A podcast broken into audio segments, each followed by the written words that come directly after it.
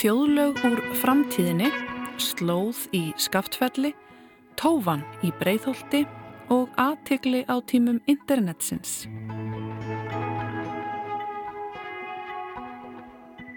Magnea Þöriður Ingvarsdóttir heldur út í Facebook síðunni Tófan, ljóða og fræðasettur, þar sem hún vekur aðtikli á ljóðum 19. aldar skáldkvenna.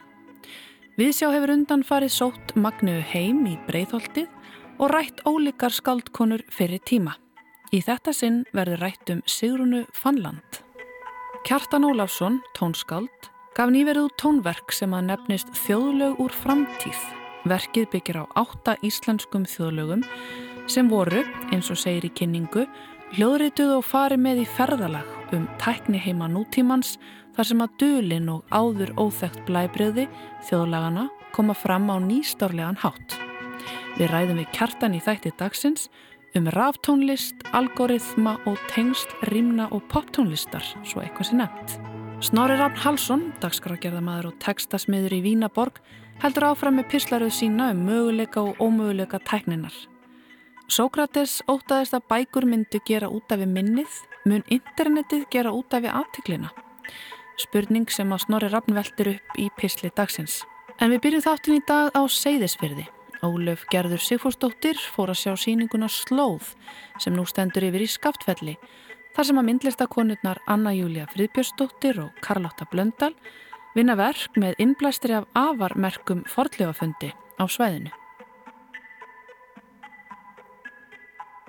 Fyrir einskæra tilviljun árið 2004 gengu reyndýraveiðamenn fram á óræðan málmkendan hlut inn í litlum skúta mitt í stórgrítri urð upp á Vastalsheiði í Seyðisfyrði.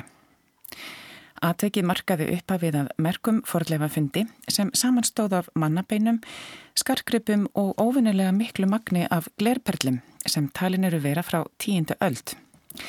Þessi merki forleifafundur hefur síðan vakið mikla aðegli og mörgum spurningum er enn ósvarað um fjallkonuna eins og manneskjan hefur verið kölluð sem þarna fannst. Hvað var ung stúlka flækjast upp á heiði árið 920? Var hún ein á ferð? Hvað var hún að gera með allar þessar perlur á sér? Var hún kannski völva eða stál hún perlunum? Og ekki síst, var hún lögð þarna til hinstu kvílu eða varð hún úti? Við vitum ímislegt um fjallkonuna með hjálp forlefafræðinar til dæmis frá hvaða tíma greipinir eru, í hvaða stelling hún lá, hversu guðmul hún var og að hún hafað öllum leikindum ekki fæðist hér á landi. En þegar kemur að því að segja til um örlög hennar, vitum við ekki með vissu hvað gerist þarna. Uppbyrju tilgáttur um kuml að heðinum vikingasið, grefturinnar reyt að samískum sið eða að hún hafi sjálf ettilvill skriðið inn í skútan og dáið þar. En vísbendingarnar eru ónóar og vexummerkin óljós og skilabóðin of döið til að hægt sé að fá botn í þau. En það er emitt hér sem ímyndunaraflið tekur við í bílinu milli staðrinda og spekulásuna. Í þessu bíli kvílir síningin sem nú stendur yfir í skaftfelli myndlistar með stöð Östurlands á Seyðisfyrði. Sýningin ber yfirskriftina Slóð og er samsýning myndlistarkvennana Önnu Júliu Fröðbjörnsdóttur og Karlóttu Blöndal. Verk sín vinnaðar sitt í hverju lægi en nota báðar forlefafundin á Vestalsheiði sem innblástur. Nálganir þeirra og útfærslur eru nokkuð ólíkar en saman myndaverk þeirra áhugaverða heilt sem opnar á hugleiðingar um hreyfanleika hluta úr einum tíma yfir í annan, af einum stað yfir á annan og skilabúðin sem slík tilfærsla getur af sér. Verk Karlóttu kvarfast um fjallkonuna tíðu og fundarstað hennar bæði á bókstaflegan og abstrakt hátt. Hún gerir tilrönd til að fanga fundarstaðin með því að fara þangað sjálf og vinna verkin á staðnum. Með hlýðsjón af skipilastekningu forlefafræðingana skrásettur Karlotta staðin með aðferðum myndlistarinnar. Hún leggur stóra stregadúka beint á jörðina og notar liti til að draga upp mynd í gegnum hann svo úrverður svo kallað snertithreik. Hún snýður hvern ramma út frá útlínum kortsins sem hefur skipt fundarstaðnum vandlega upp í reyti hver með sínum bókstaf. Þessari aðferð beitir Karlotta í fimm mismunandi verkum sem hún nefnir öll með sama titlinum, upptök og innan svega setur hún tilvísanir í mismunandi reyti kortsins B1, C5, A3 og svo framvegis. Ólíkt korti forleifafræðingana sem er einhvers konar abstraksjón á landsvæðinu sem það býr til mynd af, sínir Karlotta hér fundastæðin í raunstærð og skapar þannig áhugaverða vitt í samengið. Þannig rannar saman í einn hlut, heið óhlutbundna og heið hlutlega, abstrakt mæleining og örmveruleiki um leið og hún færir fundastæðin bókstælega inn í síningarimið. Þessi tilfærsla er sérlega áhrifarík því raunskalinn gerir það verkum að maður mátar eigin líkama inn í reytina og reynir að setja sig í spór ungu konunar þar sem hún lág í neypri inn í skútanum. En Karlotta fer einnig með okkur á nokkuð óvandan stað með því að setja fram tvö verk sem hún kallar hvort fyrir sig augnablík og samanstanda af ferhyrningslaga auðum stregabútum á vegg. Þegar ég stóð frammi fyrir þessum verkum vissi ég ekki alveg hvernig ég ætti að taka þeim þó ég hafi getið mér í hugulund að hér ætti ég sem áhörfandi að mála mínamynd af þeim atbörðum sem gætu hafa átt sér stað þarna upp á heiðinni fyrir um 1100 árum síðan.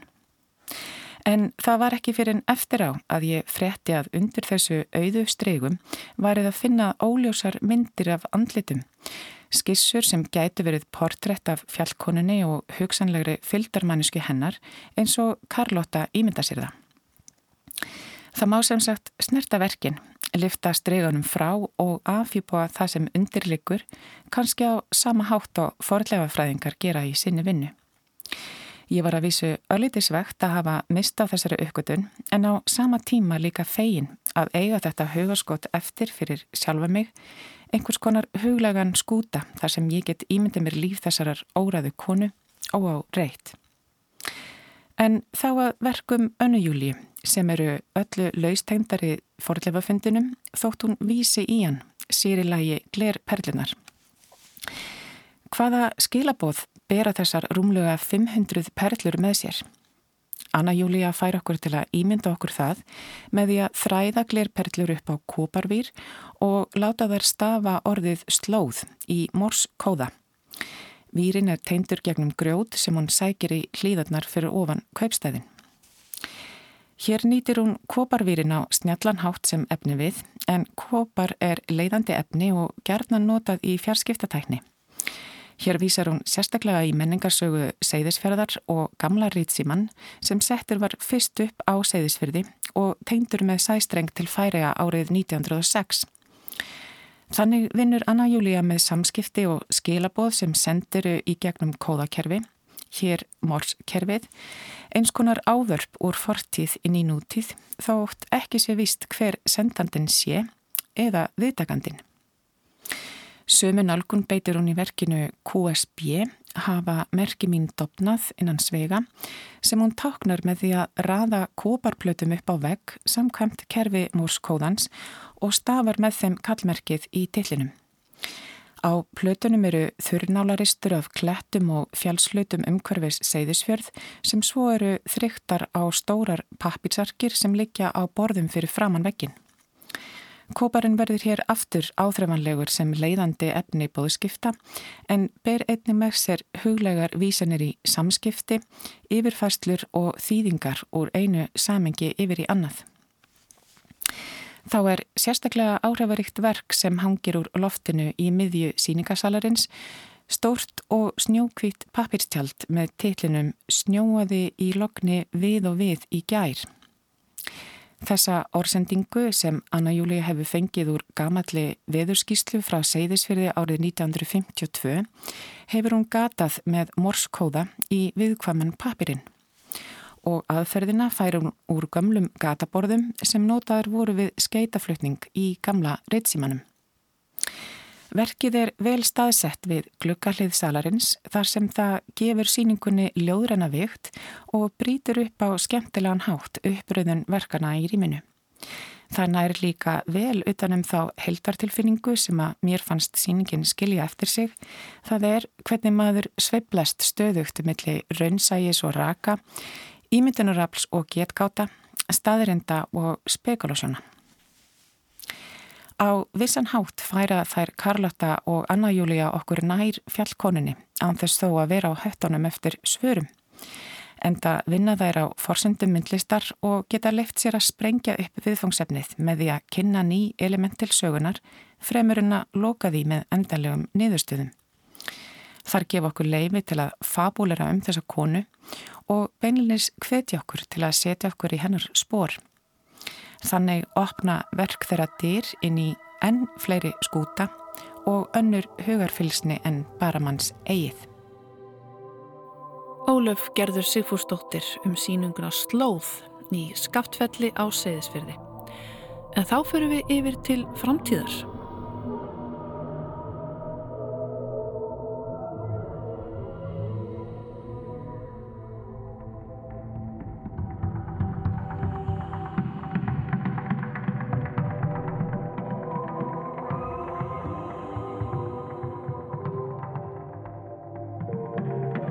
Hér heyrðu við brot úr læginu Sopnar Lóa er laung og mjó en lægið er eftir Kjartan Ólafsson, tónskáld og það er að finna í sapni nýra laga sem að koma út nú fyrir skemstu.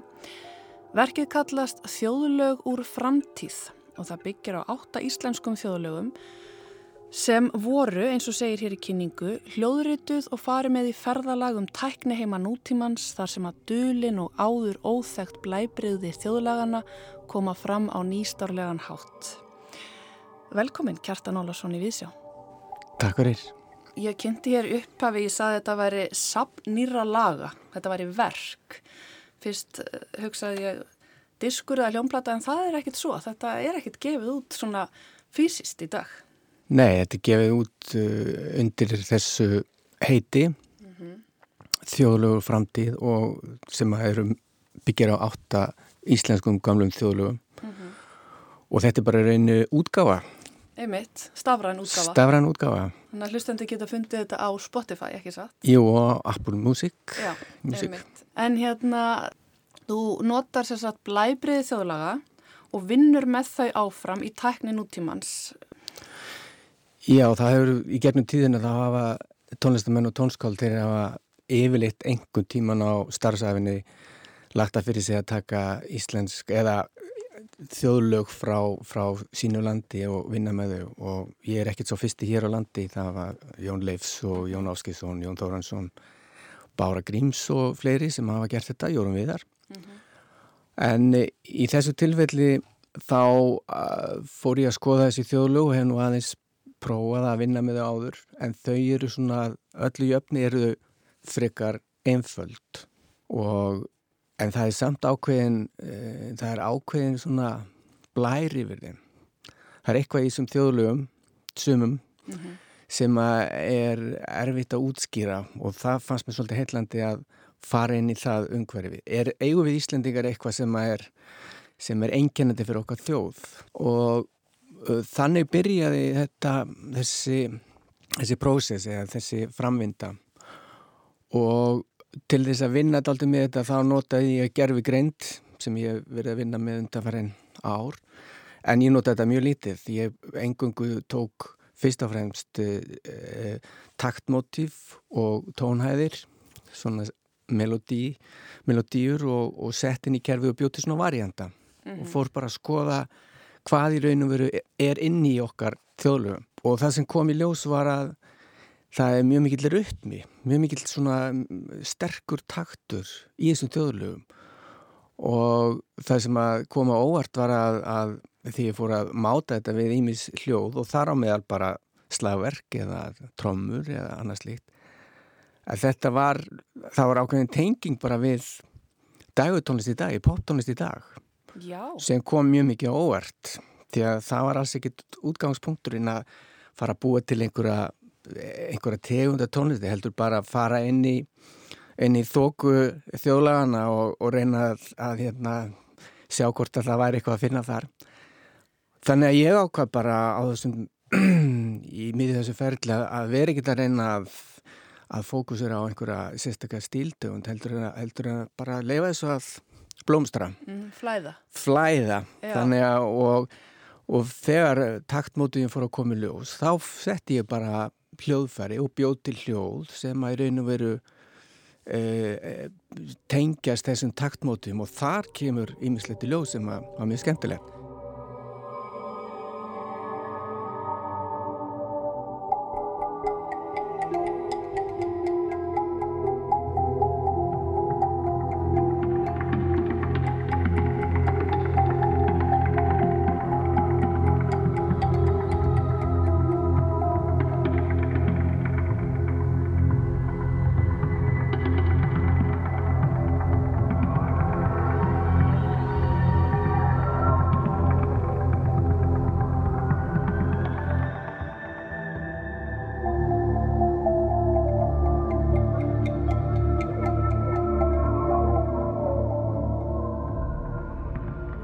það leynist í þóku þjóðlagana, leynist einhver blæbriði sem maður má finna í poptónlist í dag. Getur þú aðeins svona útskýrt þetta fyrir mér? Hvað leynist í þóku þjóðlagana, annað en rithmi? Já, það er tónhæðarna líka. Já, fyrst og fremst var þetta rytmin sem kom í ljós þarna. En í raun og veru eru, eru mörg dægulut og þau byggja uh, í dag, þau byggja á svipum hugmyndum að reyna. Þetta eru svona ákveðni skalar. Eh, þjóðlegin eru oft í fríkiskri tóntegund sem er eina af kirkjutóntegundum sem eru eh, sem voru mikið notar og eru mikið notað í dag í allskynns tónlist. En eh, þannig að þetta var svona það sem að laglínuðar eru mjög söngkævar í raun og veru. Og það hefur nú engjent popi líka og, mm -hmm. og allar tegundra tónlist. Mm -hmm. uh, en þegar þetta er sett í svona eh, þegar þetta er sett í svona tilruna fasa þá fer í mislega komið ljós. Maður fer að snúa við tónbiljónum og maður fer að það var að komið ljós í mis tilbriði sem að, sem að ekki, maður heyrir ekki við fyrstu í þjóðlegunum Já, ég hef nú aðeins búin að vera að hlusta og þetta er ekki svona klassískar melodýr sem þú verist að þetta er ekki eitthvað sem heyrist í útvarpinu. Þetta hljómar oft svona jafnvel súrealist á tímum, þetta er svona óvænt tilröndukent verði að segja. Þetta er náttúrulega úr framtíðinni. Já, einmitt. Þannig að... Þess vegna er þetta óvænt. Já, og, og, og í raun og veru þá eh, er það enginni á okkar tónlist í dag að við, við, hún er svo fjölbreytt og þessi tónlist er eins og margt sem að gera í dag, það er svona kollas eða svona samtíningur mm -hmm. eða mhm. sambræðingur eða bara bræðingur og það eh, fekk bara að fljóta áfram í þessu öllu þessu ferli. En svo ef að menn fyrir að spyrja um sko hvað er poptónist og hvað er jazztónist og þá kom hann upp mörg svör. Mm -hmm. en ef að ef að, ef að tónlistamenni eða tónskáldur að vinna með eitthvað efni þá oft láta er það bara stýra framvindunni. Þú lést allavega efni við sem kom til þín upp úr þessari þessari þokuleit svona stýra flæðinu bara Já og eh, var ekki reyna að setja þetta inn í einhvern stíl ég, ég hef svona, svona passlega miklu að trúa því að vera alltaf að setja allt í, í svona hólf.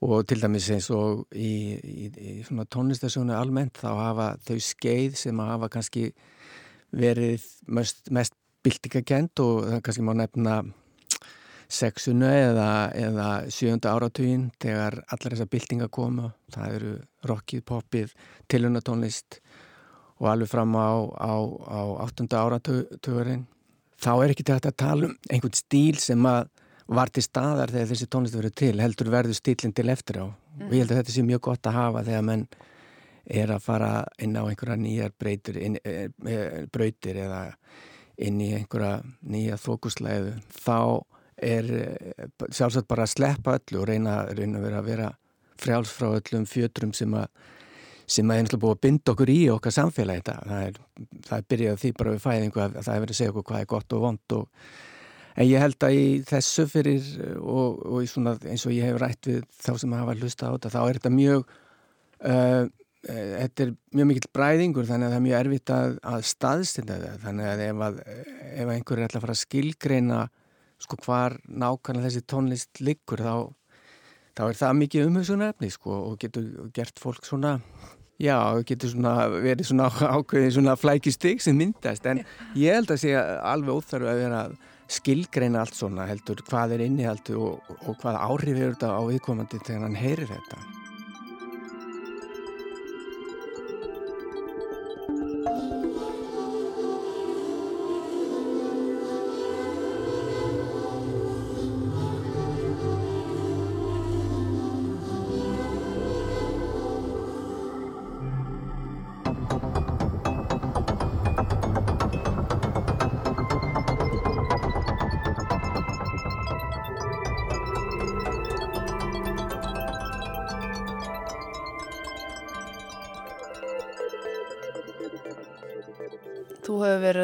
Smíða með ráptónlist í áratögi en er þetta í fyrsta sinn sem þú horfið svona aftur til fortíðar eða hvað? Ég hef prófað það áður og, og gert hljómsveitaverk sem bara var fyrir symfóniljónst og var fluttað henni sem að hitt sonológia sem ég var að gera til henni með þetta en þarna gengið miklu lengra í þessu og nota, nota mikið rafljóð eða hljóð sem við hljóðröytum mm -hmm. hljóðfarleik sem við hljóðröytum Þetta er ákveðin svona leið til þess að finna eitthvað í, í þessu óskilgrinda sem, að, sem er allt í kringum okkur mm -hmm. og reyna að finna einhverja, veru, finna einhverja línu eða fótfestu og, og skapa eitthvað sem að, sem að sem að býr til einhverja sín eða býr til einhverja stenningu eða hljóði. Hvernig ákastu í hvað það ætlar að sækja? Ég skoðaði fyrst og fremst Rautmann í uh, að því að tónarnir eru, þeir eru, þetta er svona söngtal laglínur sem eru mikið í þjóðlegunum. Mm. En ég skoðaði laglínunar og, uh, og taktmótu vinn og ég var ekki mikið að, að spekula í textanum en textin, uh, hann alltaf býr til Rautmann. Þannig að í raun og veru rytmin hann er komin úr okkar tungumáli. Mm -hmm. Þannig að við erum í raun og veru rytma að setja íslenska tungumálið, má kannski segja. Og í útgáfahófunni í mengi þá varstu með tvo hvaðamenn sem að stigu á stokk og, og voru að hveða þarna á milli laga. Já, uh, Bára Grímsdóttir og Pétur Húni, þau tóku og komuð þarna og tóku þátt í þessu útgáfahófi þar sem að, þar sem að þau og veru hváðu vísunar mm -hmm.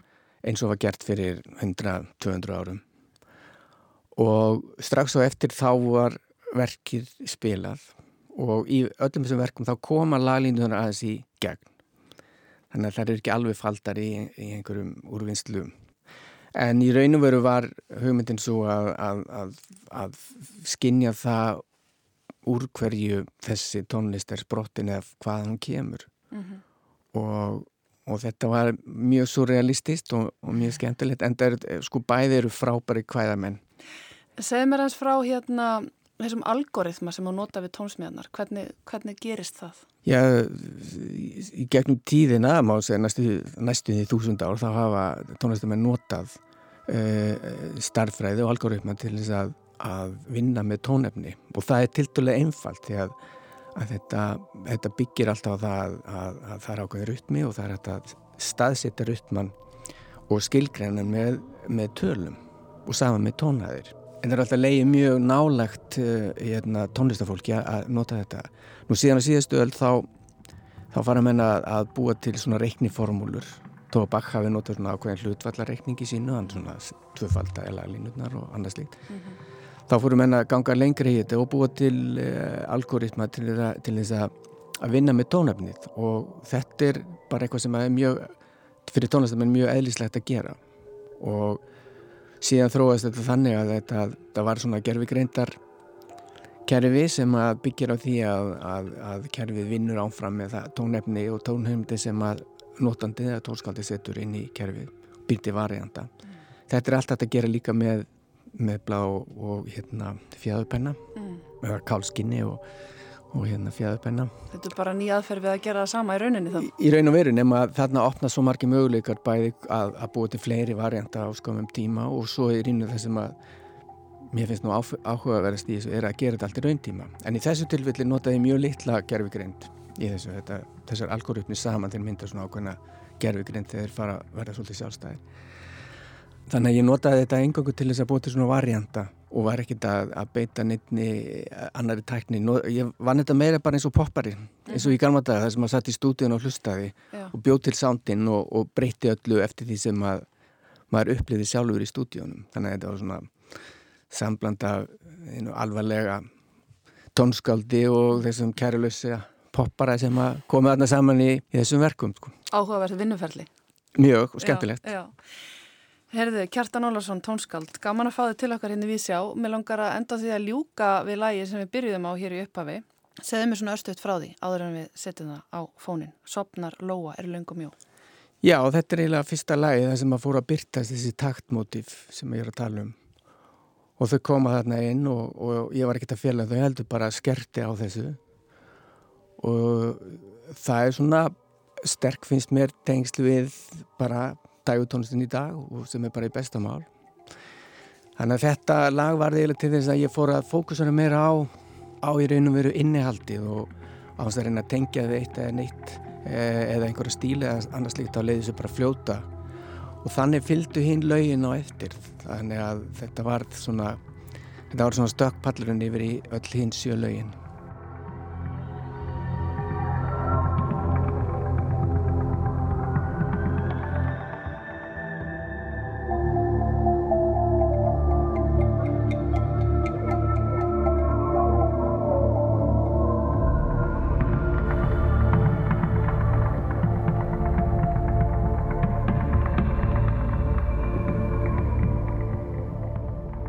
laugin úr lægi eftir Kjartan Ólafsson af plötunni Þjóðulög úr framtíð og það er rétt að nefna það að næstkomandi sunnudag verður tónlistarháttíðin Erkitíð í listasafni Reykjavíkur og þar verða flutt lög af nýri plötu Kjartans auk fjölda annara verka.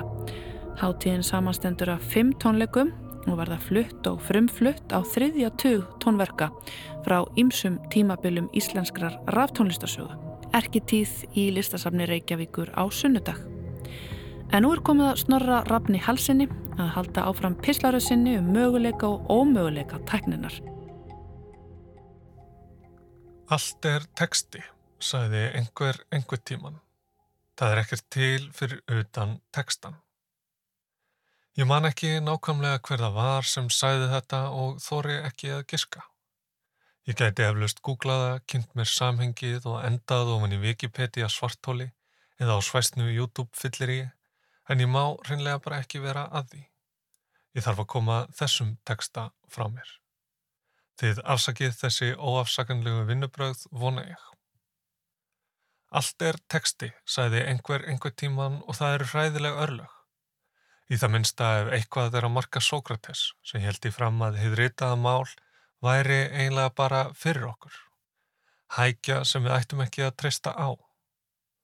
Þegar við útísum minninu í hefði ritaða orð verðum við að páfagaukum.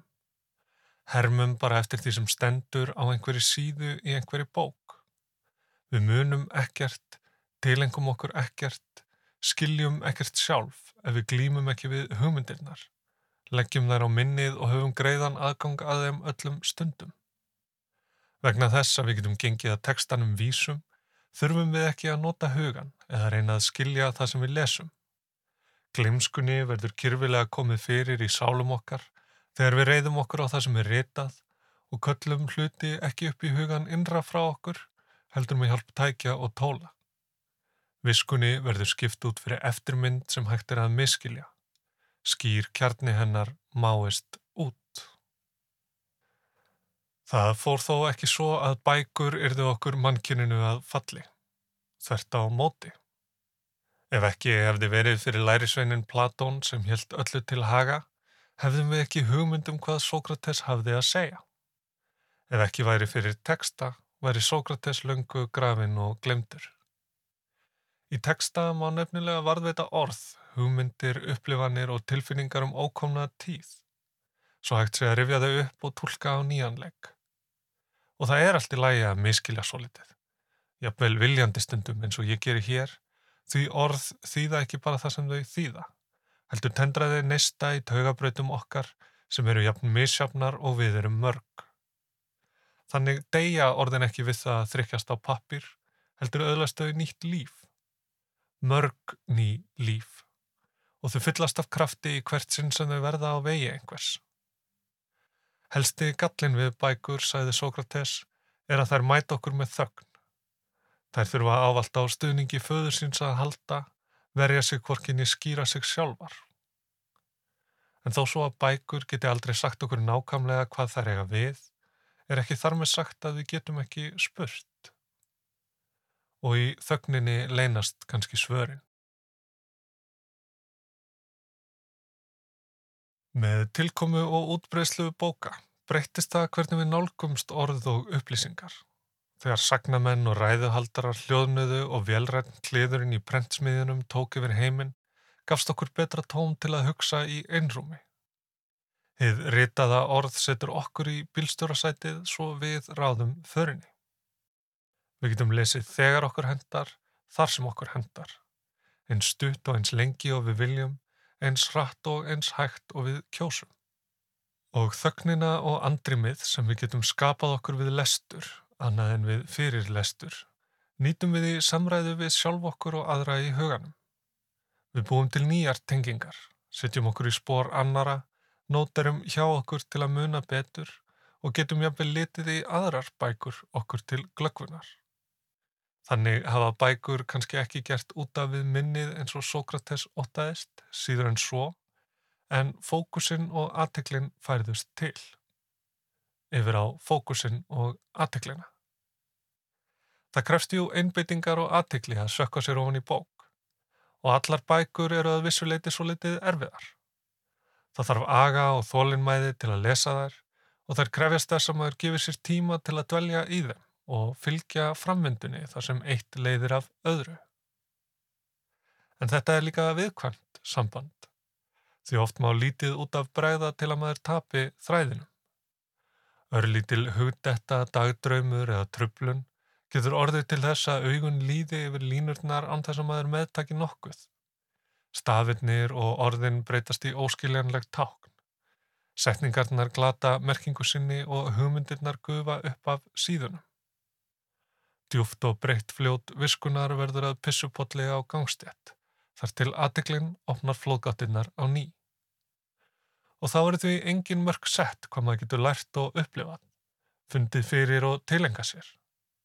Því þegar við lesum þá kvílum við á sama tíma algjörlega í sjálfum okkur og einhver staðar allt annar staðar. Í öðrum tíma, í öðrum heimi. Galdurinn, og þetta er galdur, fælst í takmörkum bókana.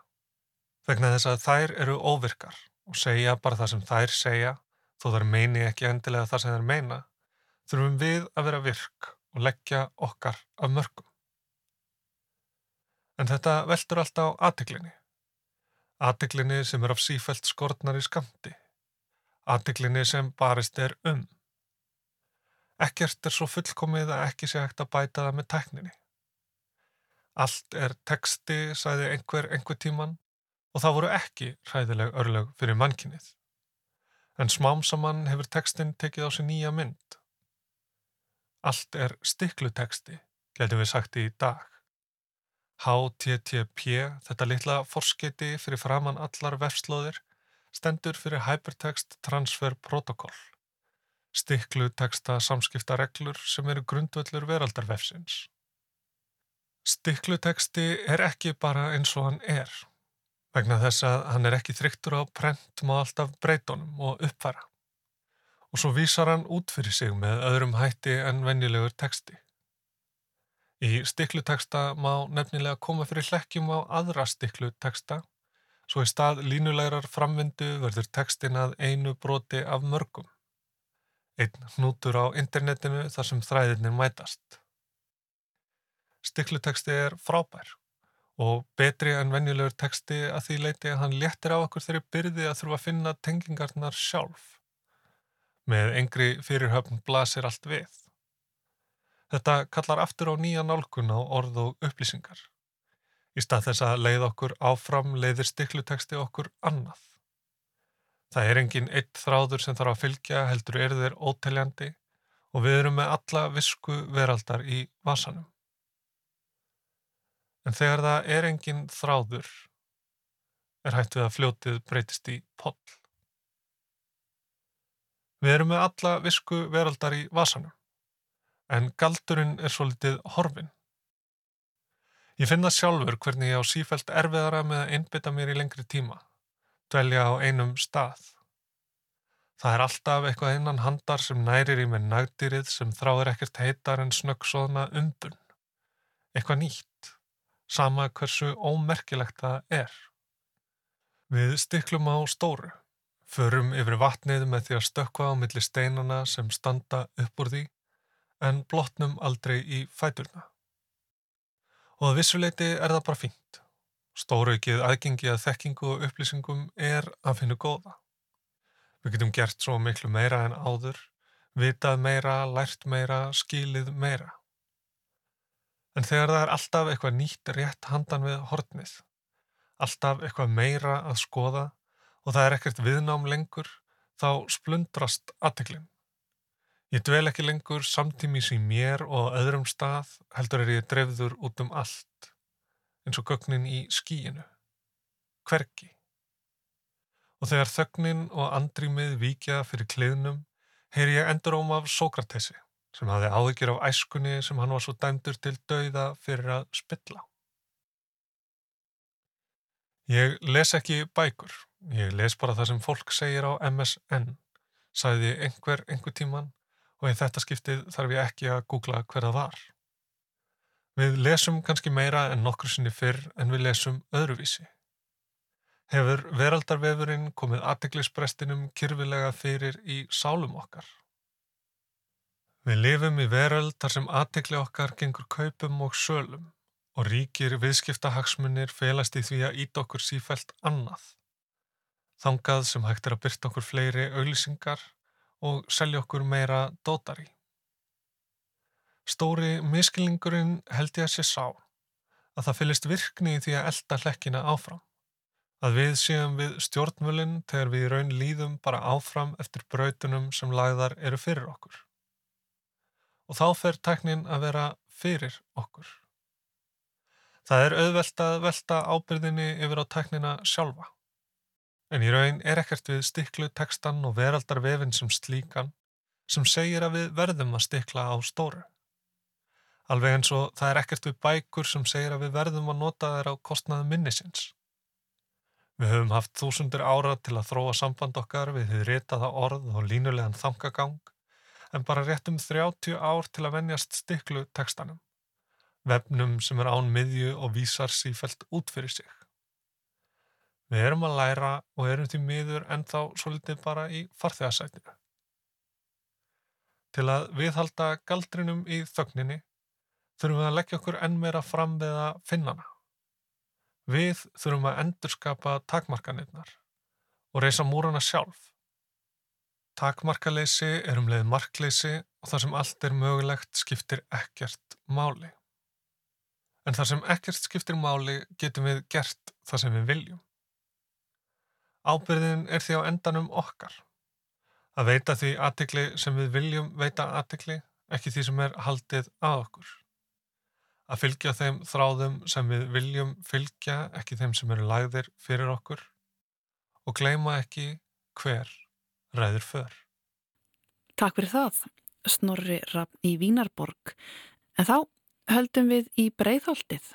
Þorgerður Ása Adalsteinsdóttir brá sér aftur í heimsókn til Magnu Þurriðar Yngvarsdóttur sem heldur út í Facebook síðunni Tóvan, ljóða og fræðasettur, þar sem hún vekur aðtikla á ljóðum 19. aldar skaldkvenna.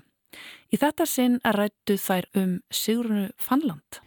Lóksverður lesið úr ljóðabókinni Við Arinin eftir Sigrunu Fannland frá Söðarkróki.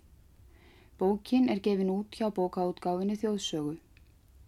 Ólafur Haugur Árnason les. Fyrsta kvæði sem ég les heitir Tabl. Á tablborði lífsins mennirnir mætast og misjamt þar leikur hver. Í einhverri mynd er einum fórnað þá annan til sigur sper. Hvað er það sem gerir gæfumunin? Er það grimd eða völdin há? Guð hefur þó sjálfsagt ætlað oss öllum eitthvað svipað að fá. Í heiminum ræður nefaréttur. Hvort hægt er að breyta því við spyrjum en okkur er sinjað um svarið og sóknin er hert á ný. Þú situr og teflir á svörtum reytum, sérð að staðan er veik. Drottningin er í dauðafæri og dauðin á næsta leik.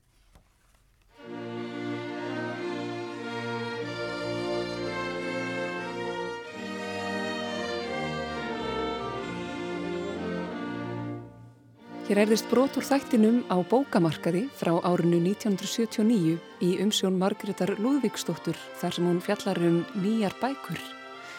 Við heyrum fleiri ljóða á eftir í lestri Ólafs Haugs Árnasonar en grípum næst niður í samtal okkar Magniðu Þurriðar Yngvarsdóttur um Sigrun Fandal og ljóðabók hennar við Arinin.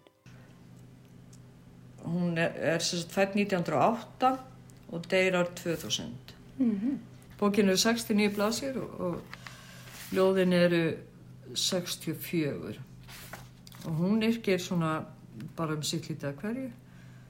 Og hún er náttúrulega skafferingur og, og, og fætt á einu fallegast að stað með fallit útsýn yfir fjörðin og geti ímynda mér hún auðvendum einhvern tíman hérna farið með ljóðið skín við sólu skafurður gröyti búum fagurgerður bræi ljóða lista verður.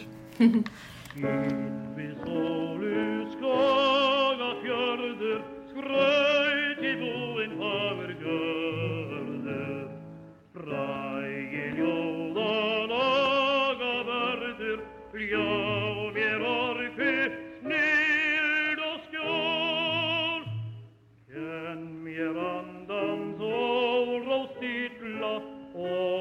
sjónir kynna villa dilla blinda öfra frilla frilla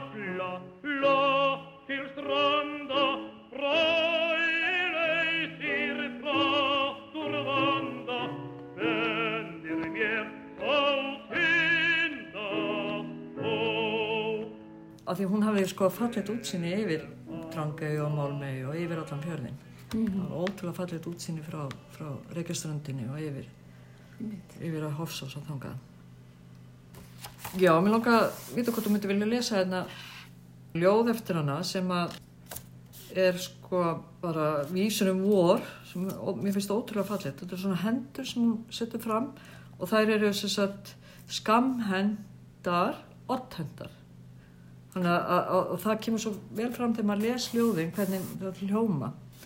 Og sko skamhenda er ákveðin hérna bragarháttur með ákveðin mörgum aðkvæðum ákveðin mörgum ljóð línum og síðan er hún með sko hún er hringkend og að því hún er sko hérna það er þess að hérna uh, það rýmar við þess að hringkendan við rýmið í lokin þannig að þú finnir þetta þegar þú lest þess að heitir þetta attent og þú finnir þegar þú byrjar að lesa sko ræða með þú byrjar að lesa ljóði ok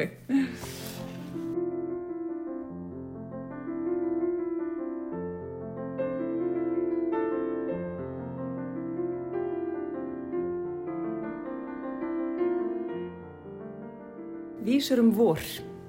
Vorið glæðir eld í æðum, indi gæðist sál. Sólarflæði af heiminn hæðum, hjarn úr bræðir skál. Gróa rindar gistla trafið, gillir vindaský. Eldakindir út við hafið, árdagsmyndin hlý. Kastar njóla köldum feldi, kissir ból og reit.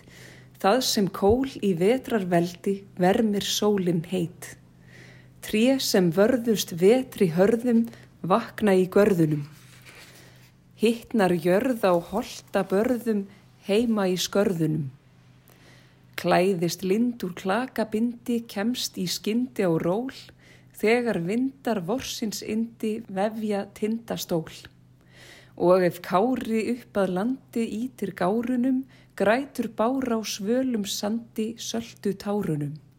Vælir kjói vella spóar, verpa í móanum, syngur lóa grösin gróa græn í flóanum. Sjómenn þreja sínar megar segist eigi þeim, meðan flegin út við eigjar er að beigja heim.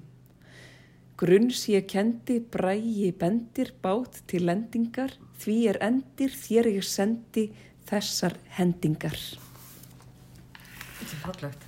En byrju þannig að þetta rýmar svolítið inn í er sömu línu. já, þetta er sem sagt hérna, þessar hendingar eru, eru með innrými Já. og innrými rýmar við endarýmið. Eins og hérna voru glæðir eldi í æðum, indi gæðis sál, svola flæð af himum hæðum, hérna bræði skál. Þú heyrir bara þegar maður lesi þetta, það, það, það er hrinjandi nýðis og hann alveg lyftur þessu upp um leið og maður er farin að beita oddhendinni. Gillir vindaský, efla kindir út við hafið á þess myndin hlý þetta hérna, það kemur eitthvað svo fallega fram. Já. þetta er orðið svona með flóknum bragarháttum það var alveg að rappa það það var alveg hægt að gera það sko. Svona mikil, mikil rytmi í þessu það hrinjandi eins og þú sagir Já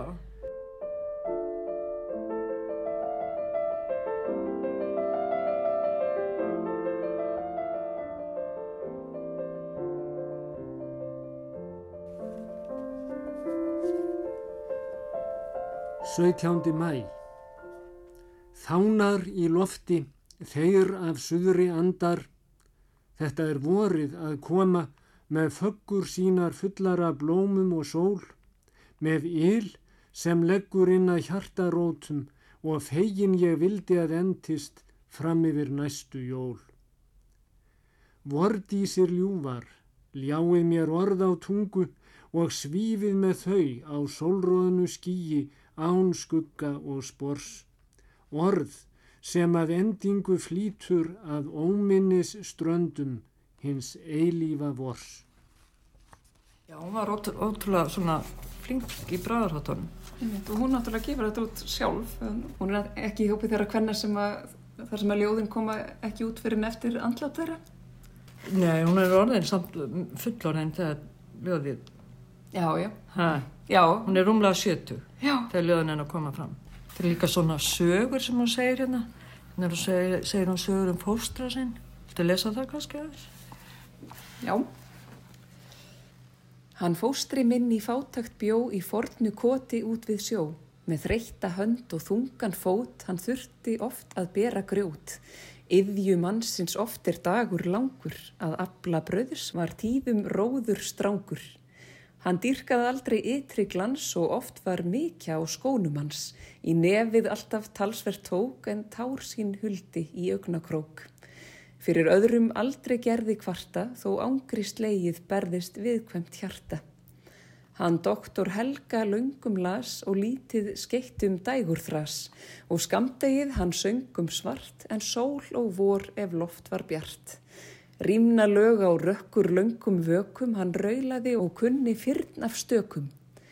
Oft brekum mínum brostan við sem barn mig leti sér við hlið, á kvöldin verndi kaldan fót og hvað við öllu raunabót, að byggja Guð og góða englað vaka, svo gríla ekki næði mig að taka. Um æsku syndir oft ég nöyt, með ærsla látum tíndu og braut, og fyrir stundum fjekk þá bátt en fóstri tók mig æg í sátt.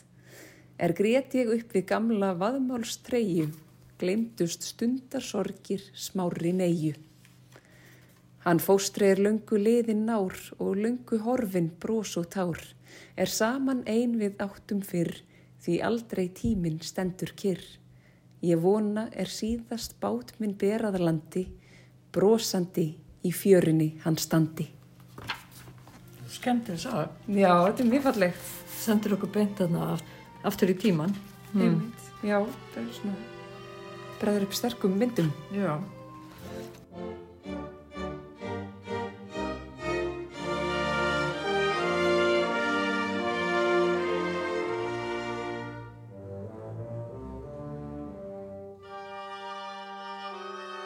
Kikja á eitthvað meira eftir hana?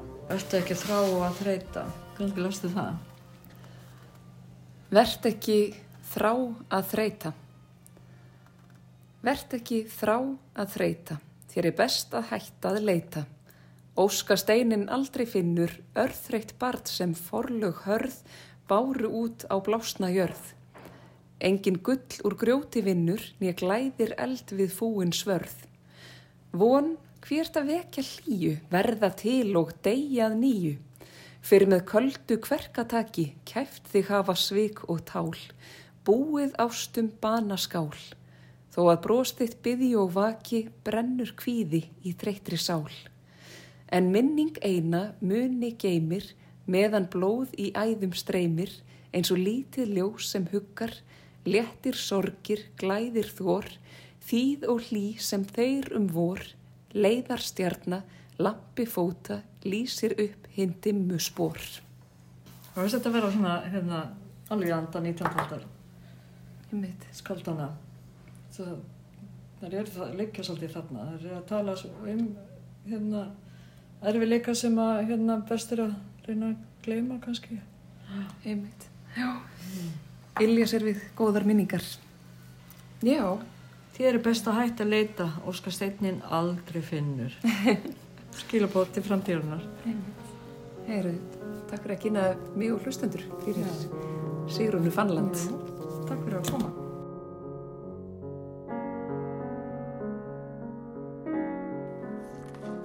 Síðast les ég tvær stökur. Alltaf verða einhver ráð, auðs þó lækki sólinn, meðan gefur Guð af náð, gull í tindastólinn. Dvína mátt ég drjúum finn, degi brátt fer halla, kýs ég hátta í hinsta sinn, helst í sátt við alla. Lesið var úr ljóðabókinni Við Arinin eftir Sigrúnu Fannland.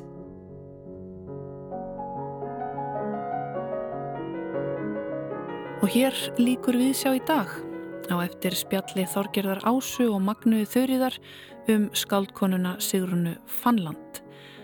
Sandra Móensen flytur hér verk eftir 19. aldar tónskaldið Mel Bónis en um hanna varum mitt fjallað í öðrum þætti hér á Ráseitt Kvenn tónskald í Karlaveldi í umsjón átna heimis Ingólfssonar. Við endum á þessum nótum. Takk fyrir að hlusta og verið sæl.